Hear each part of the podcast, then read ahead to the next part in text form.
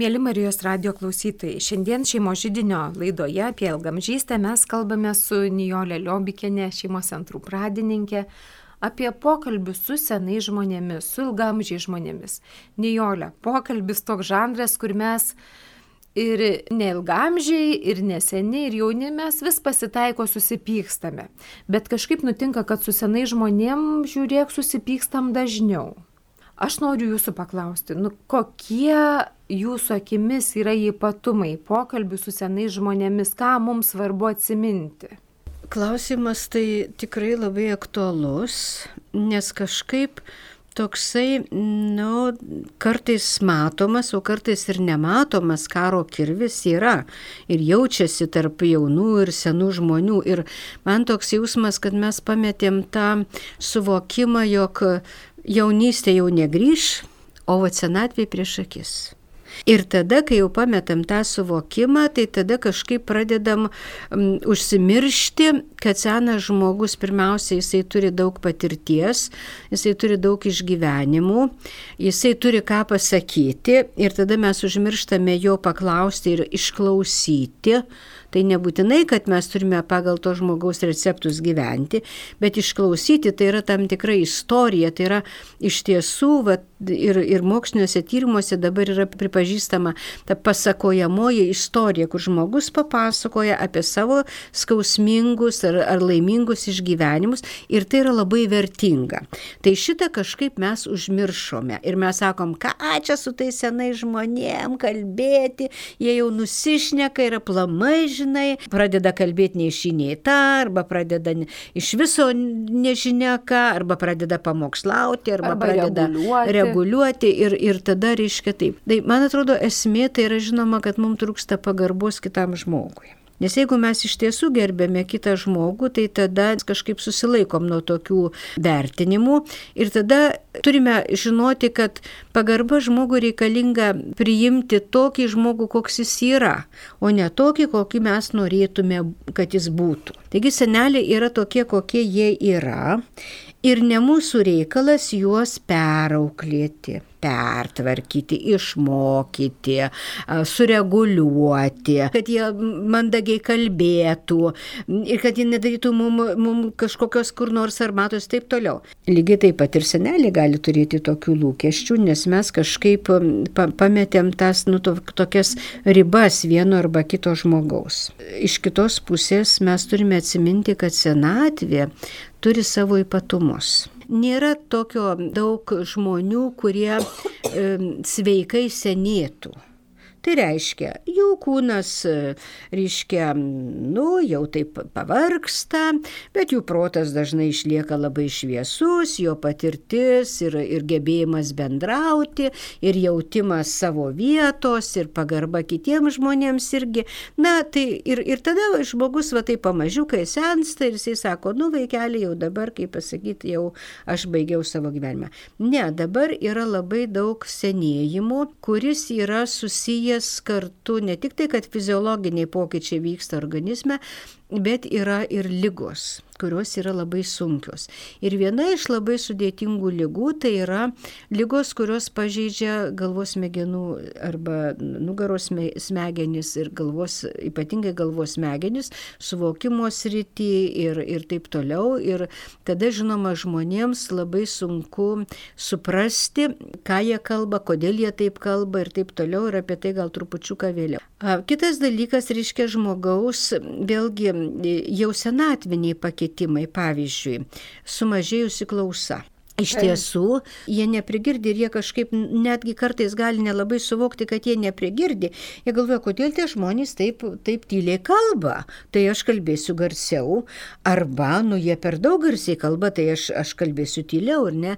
Ir todėl, reiškia, jeigu atsiranda tokie konfliktai dėl to, kad žmogus tarsi negirdi, arba nuolat klausia, ką tu pasakėjai, arba aš, tai tada reikėtų pasirūpinti tą kompensacinę techniką, nes šiandien yra tikrai seniems žmonėms žmonėms yra tikrai susilpnėjusi klausa ir tada, reiškia, dabar jau yra tikrai visai neblogų ir netgi, man atrodo, ligonių kasos e, kompensuoja, reiškia, aparatų, kurį žmogus įsidės, jis gali labai neblogai girdėti ir tada nu, tam, tam tikra gyvenimo kokybė pagerėja, žmogus pats gerai jaučiasi ir, ir su juo yra lengviau. Kitos, kitas dalykas yra regos problemos, ar ne?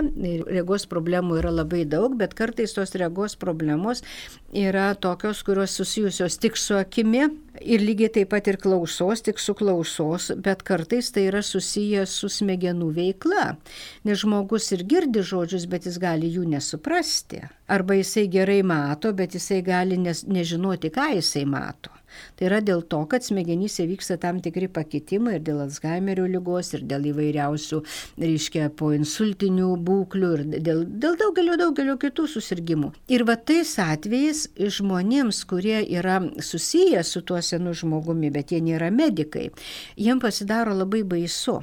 Todėl, kad kas čia darosi, reiškia, ar, ar čia, nu tai, ar mes čia kažką, ar, ar tas žmogus čia kažkaip iš mūsų tyčias ir ne. Netgi, pavyzdžiui, atminties sutrikimai, tai. kai žmogus vieną dieną tave labai gerai prisimena ir sako, tu mano ten dukrytė arba tu ten anūkyti, kitą dieną žiūri tave ir sako, klausyk čia, kodėl jūs čia vaikščiot, jūs čia svetimas žmogus atėjot ir man tvarką darot.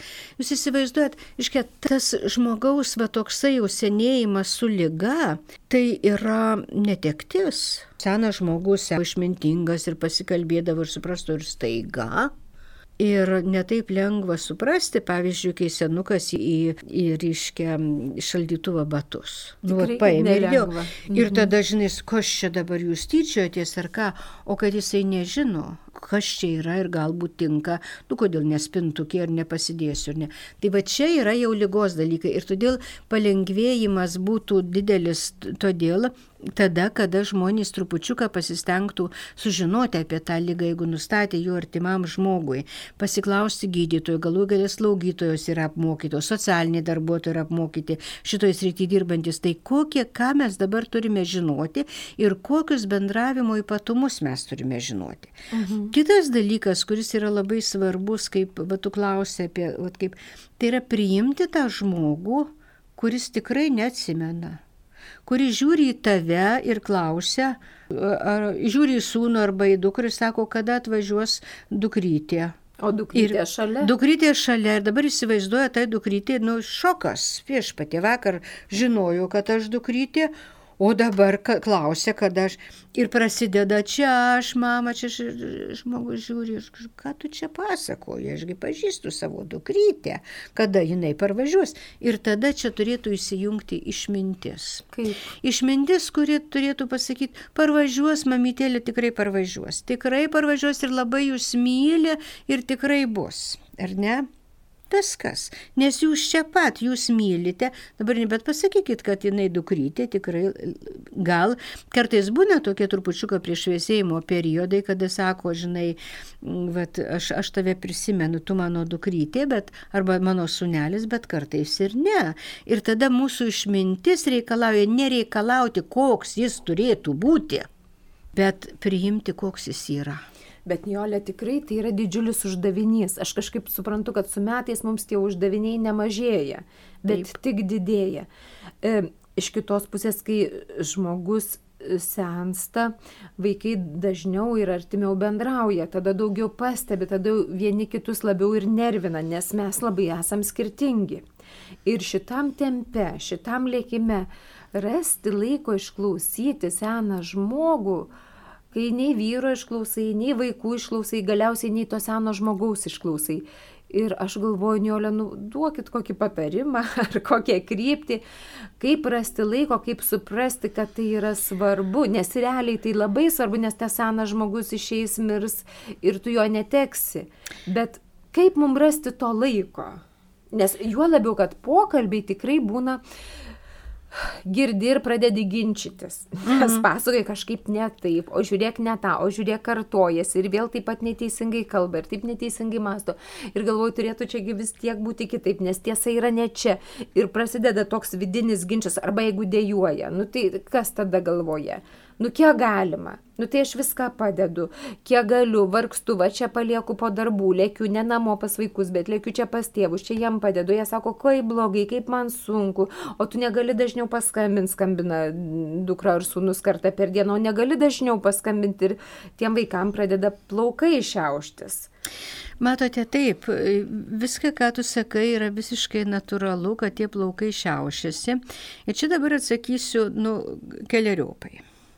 Pirmas dalykas, jeigu jau mes esame čia Marijos radijoje ir ne, tai tikriausiai kalbame daugiau tikinčių žmonių auditorijai, tai aš galvoju, kad tai yra labai gera terpė ugdyti kantrumo e, pasiaukojimo darybei. Taip nervuoja. Mes savo tėvus irgi nervavom, kai buvo maži, nes jiems Dabar tai dar mes kažkaip turime kitą dalyką, anksčiau tėvai turėjo palikti ir mus mažus kažku, kažkam. Ir, ir, ir pavyzdžiui buvo, kad reikėjo slėpti močiutę arba senelį pabėgusi iš Sibiro, ar ne kokia tai turėjo būti įtampa ir kaip tas senelis ar močiutė turėjo jaustis, ar ten, ar ten dar kiti giminaičiai ar ne. Ir vis dėlto žmonės kažkaip išliko tai, kad, nu, va, tai yra Tai yra iš tiesų, mums dabar taip atrodo, o Dieve, kaip įkyrų ir kaip... Ir nepasakysi, kad neįkyrų. Bet jeigu mes labai gerai pagalvotume, o ką mes iš tiesų tą laiką skiriame. Vat kam iš tiesų? Ar mes iš tiesų tą laiką labai jau taip ir išnaudojam? Aš visada sakau, kad nu, laiko yra tiek, kiek yra. Ir 24 valandos ir tada nu, padaryk tokią, nu, kaip pasakyti, vat, laiko apskaitą. Pavyzdžiui, kiek aš sėdžiu ir žiūriu į Facebooką ir ten nervuojuosi, rašinėju visokius ten dalykus ir pykstu ir neturiu. Arba kiek ten laiko aš ten, reiškia, plepu su kuo nors, pavyzdžiui, su draugė ar su kuo tas yra visai neblogai, bet ar tikrai. Ir, ir tai yra tokie antrailiai dalykai. Ir mūsų tėvai, kokie jie bebūtų, netobuli, apsunkinantis gyvenimą, kartais tikrai labai labai labai problematiški ir sudėtingi, kartais va dėl to lygos tampa sudėtingi, kartais dėl to dėl nuovargio, dėl, dėl aplinkos, kur jiem reikėjo būti visada teisiem ir visada, kad klausytų, nes jie tai buvo. Tai yra vis tiek patys brangiausi mums žmonės nėra kitų žmonių, kurie mus mylėtų vat tokius, vat, nu, vat, nu, vat, tu esi mano vaikas ar ne. Ir tu esi mano mama ar mano tėtis. Ir tada, kai mes padarom tą apyskaitą laiko, tai pasižiūrinu, kad netiek daug tas senukas ir prašo. Netgi tai, kad mes galėtume, kažkodėl mes labai įpratę vaidinti herojus nu čia va aš turiu viską čia dabar padaryti, čia dabar viską ir čia kažkaip tai ten pas tos tėvus, ten kažkaip va taip. Nu va ateiti pas tos tėvus ir sakyti, kaip gerai, kad aš jūs turiu, jūs turbūt pavargot ir aš labai labai pavargau. Ar galiu dabar su jumis vat pasėdėti, ar galiu jūs mamytę apkabinti, ar galiu jūs tėvelį apkabinti. Taip noriu tik pasėdėti, nieko neklauskite, esu tokia pavargus, kad nieko, bet noriu pas jūs pabūti. Pabandykit. Aš manau, kad, aš manau, kad dalykai pasikeis.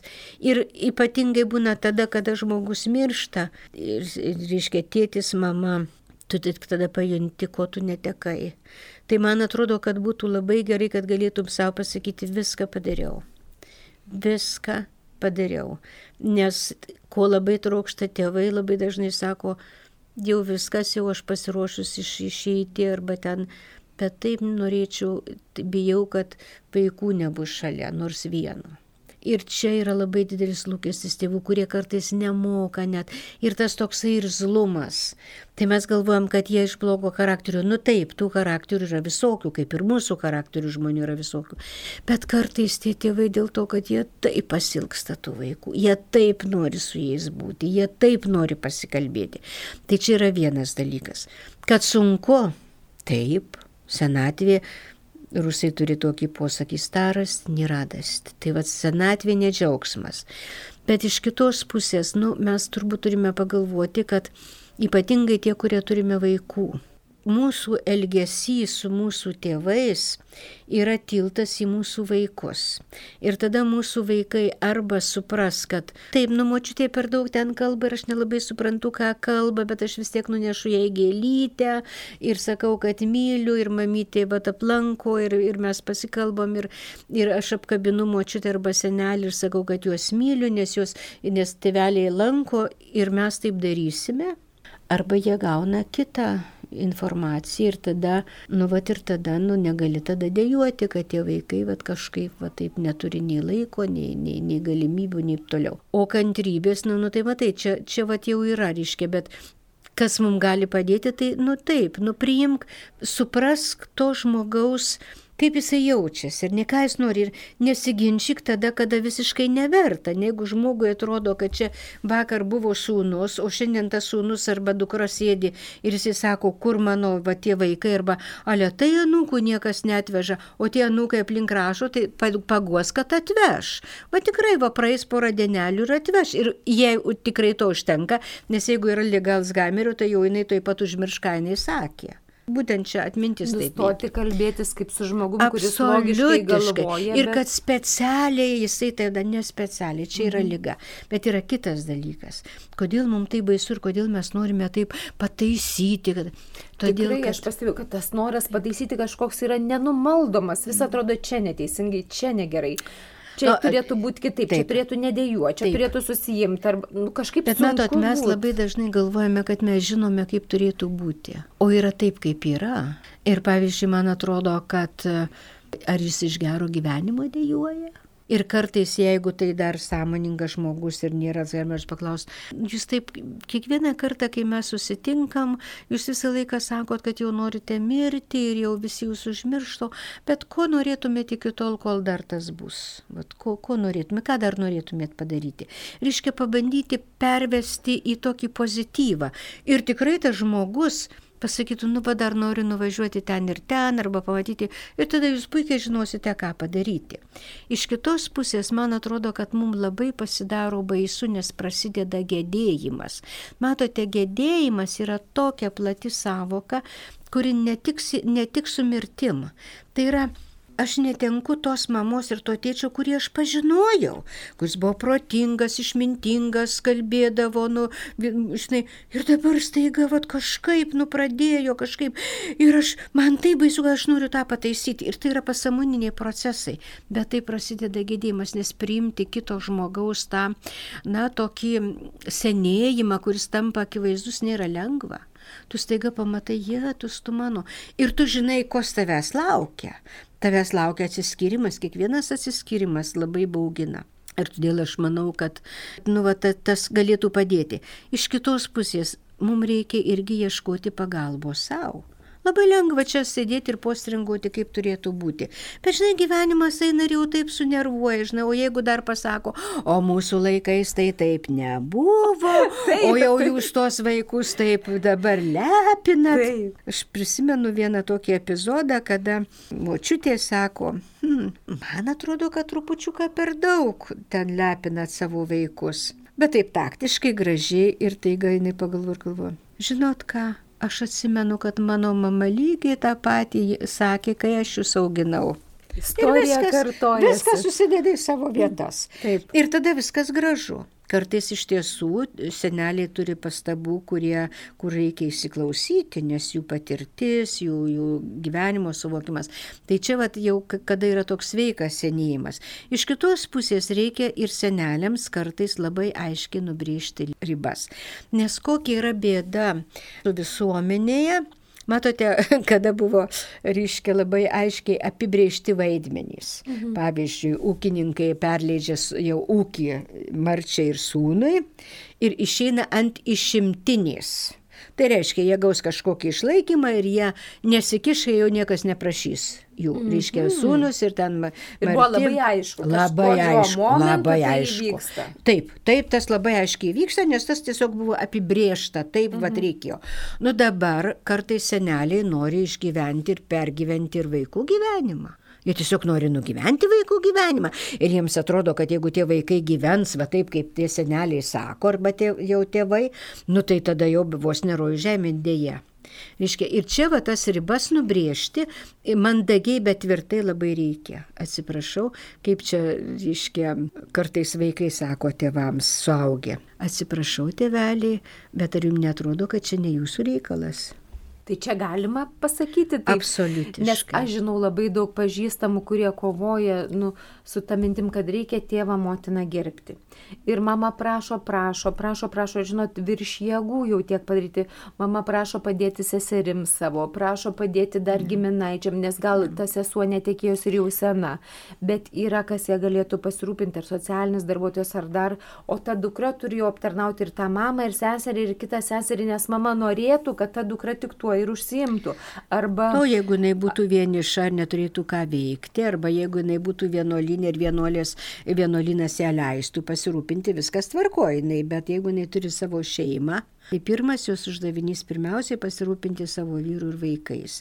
Ir be abejo, jeigu jinai turi rūpintis mamyte. Tai mamos norai ir tokie lūkesčiai, kad ir to reikėtų ir nuo dar vat, padėti. Tai žinai, lūkesčius galima išklausyti, bet nebūtinai juos įvykdyti.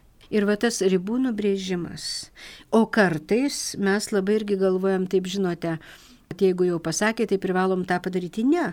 Kartais ta mamytė, jinai nori tik pasiguosti. Jinai nori tik išsakyti savo rūpestį ir kartais užtenka pasakyti, taip, mamytė tau labai rūpi, bet žinai, nuvažiuok. Va ir tas gali pasirūpinti, ir tas.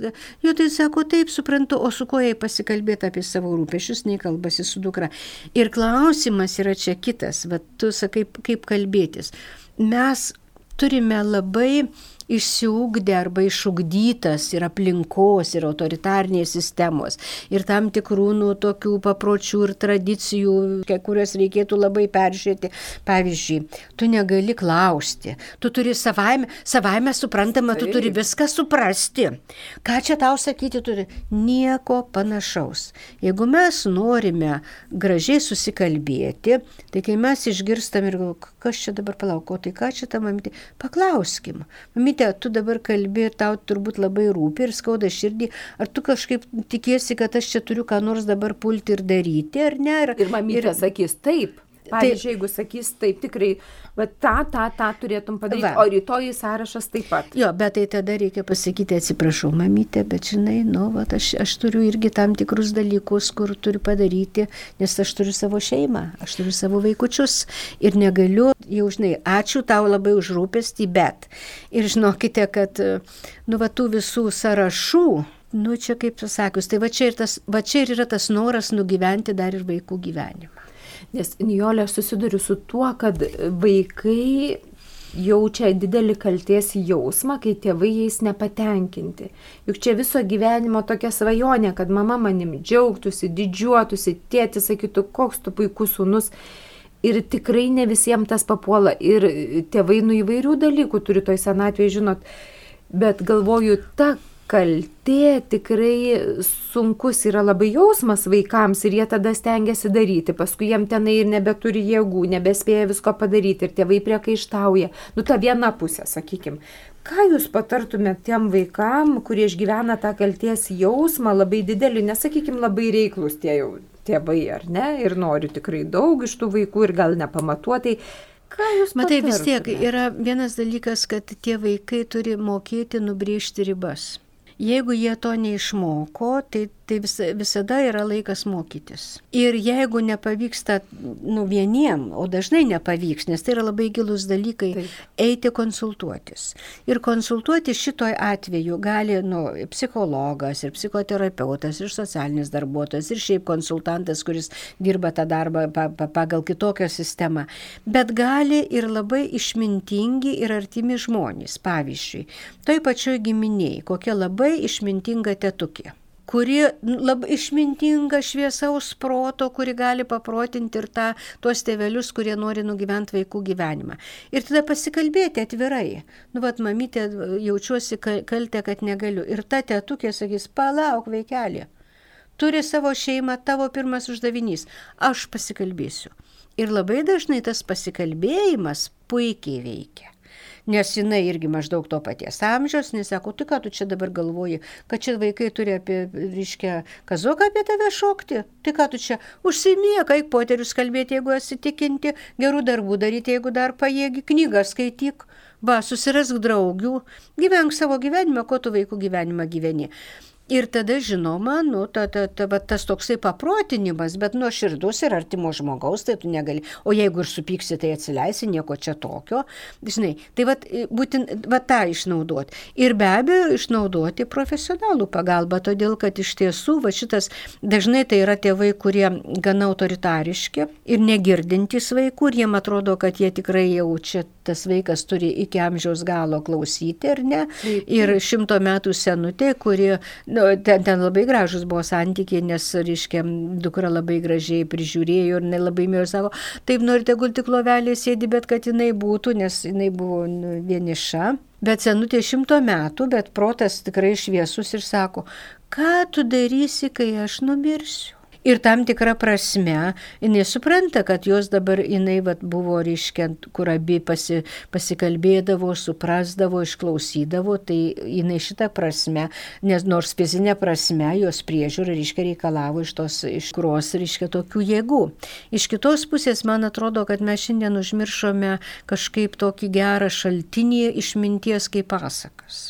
Papasakokit, tai, va, tai viena iš pasakų yra kaip Varnas turėjo varniukų, tie trupučiukai jau paaugo, nu jau tokie žinai, ir jis neša juos per upę į kitą pusę. Ir vidury upė sako, klausyk, kai, tu, kai aš būsiu senas, ar tu mane nešiosi? Perniukas sako, vad nešiosiu, nešiosiu, plumti vandenį ir numeta neša kitą lygiai taip pat, oi nešiosiu, nešiosiu, irgi numeta. Liko vienas varniukas. Jisai neša per upę ir sako, ar tu mane nešiosi, kai būsiu senas. Ne, tėvelė, aš turėsiu savo vaikus nešiot ir vienintelis jisai liko. Tai va čia yra ta išmintis, kur Karlas Gustavas Jungas sako kolektyvinė išmintis, bet išminting, matau, išmintis irgi yra dorybė, tai bet kartais reikia jau senstantiems žmonėms, mes daugumas jau taip sakant vis tiek einam ne į kūdikystę, nors nieko nėra baisiau kaip seno žmogaus suvaikėjimas, kada jisai tampa tokiu tarsi mažu vaiku, nu to taip labai nesiderina, ar ne? Bet, bet reiškia, tai vat, pagalvoti, kad taip vaikai mes užauginam vaikus ir, ir juos išleidžiam į gyvenimą. Tai nereiškia, kad reikia senus žmonės apleisti, juos reikia mylėti ir jais pasirūpinti, bet taip pat reikia žinoti ir tam tikrus prioritetus. Ir tada, nu, va taip ir, ir tas reiškia ir lankymas, ir pagarba, ir pasidomėjimas ir taip toliau, bet kartu nustatant sveiko, sveikas ribas. Ir kartais, na, jau, pavyzdžiui, mama ten labai rūpinasi, kodėl sakau mama, todėl kad um, mamos ilgiau gyvena už, už tėčius, ar ne? Tai, nu jau taip jau tiek daug rūpeščių ir tada mhm. reikia sakyti, nu, o, o mamytė, jūs čia ką norite dabar, kad čia va taip tie dalykai jau būtų čia taip išspręsti, ar čia be jūsų niekas neįspręs, ar ne, nes mums rūpi jūsų sveikata ir jūs kaip taip rūpinatės, tai ta sveikata blogėja. O iš kitos pusės dalintis su tėvais irgi, dalintis, nes matot, kartai žmonės galvojam, jeigu, jeigu paslėpsim ką nors, tai apsaugosim nei vaikų apsaugoji slėpdamas ką nors, nes paslaptis visada sukelia tam tikrą įtampą ir tam tikrą nu, nejaukumą, ta prasme, nes tu visada bijai išsiduoti, bijai pasakyti ir todėl lygiai taip pat kaip vaikam, vaikai gali priimti bet kokį faktą, nu jiems suprantama kalba. Lygiai taip pat ir senas žmogus, jis mieliau priims faktą negu melą. Ir tada nušvelni ir panašiai ir dalintis, kad, nu taip, aš turiu rūpeščių, bet, bet, bet tie rūpeščiai, nes patikėkit manim, kad tie, tie seni žmonės ar pagyvenę žmonės pasižiūri į veidus vaikų ir puikiai žino, kada, kas ten, kad kažkas juos legia, ar ne, bet jie kažkaip saugodami nenori pasisakyti ir tada tėvam dar sunkiau. Tada jie pradeda dažnai labai nervintis ir taip toliau. Aišku, čia yra labai individualu, tai, tai nėra šimtuprocentiniai receptai, bet vis tiek aš manau pagalvoti apie kitą kaip kitokį ir nenorėti jo pataisyti pagal save. Labai Tiesiog, sunki užduotis. Jo, bet tu negali. Ir vaikai jau yra su savo charakteriu, žiūrėk, vienas vienaip, vienas, vienas kūdikėlis nori, kad jį nuolat myluotų ir jis glaudžiasi, o kitas sako ne ir bėga, nu, todėl, kad jam, jis, jis pats ateis, kai norės. Iškai tai mes turime su tuo skaitytis. Tai... Čia sunkiai užduotis, bet įveikiama. Aš tokį trumpą rezumę, Nijolė, iš to, ką jūs kalbėjote, jūs taip kažkaip labai man svarbu akcentą pasakėt, kad jaunystė tai negryž, o senatvė tai prieš akis. Ir ta mintis, kad nesiginčiai ten, kur nereikia. E, ta mintis, kad e, seni žmonės dažnai nesupranta, ar kad jie neprigirdi, ar kad jie neprimato. Ir tada mes vėl konfliktą galim kelti lygioj vietoj, o galim kažkaip padėti jiem ir išspręsti su šiuo laikinė technika ir paslaugom šituos dalykus kad jie dažnai pamiršta. Ir tada vėl reikia turėti omeny, kad gali pamiršti, kas pasakyta ar ko paprašyta. Ir kad mes susidurėm su tokiu tikrai pagal mūsų metus iššūkiu, priimti kitą kitokį. Ta skambi frazė vaikšto nuo ryto iki vakaro visur, žiniaslaidoje mūsų aplinkoje ir mes tikrai žinom, kad tai yra nu, uždavinys iki gyvenimo pabaigos. Ir man atrodo pati tokia svarbiausia mintis, kad uh, nepamiršti esmės per tą lėkimą, per tuos visus reikalus ir rūpeščius ir pažiūrėti tikrai, ką mes tą laiką leidžiam, ar ten virtualioje erdvėje, ar mes galime ateiti pas tėvus ir iš tiesų pabūti, ne su reikalais, o tiesiog pabūti, suprasdami, kad ir tėvams sunku, ir mums sunku, nu ir pabūti, nes dažnai mes nebemokam būti. Ne, ne. Iš tiesų mes tikrai nebemokam būti ir nebemokam, mums arba reikia ką nors daryti. Taip.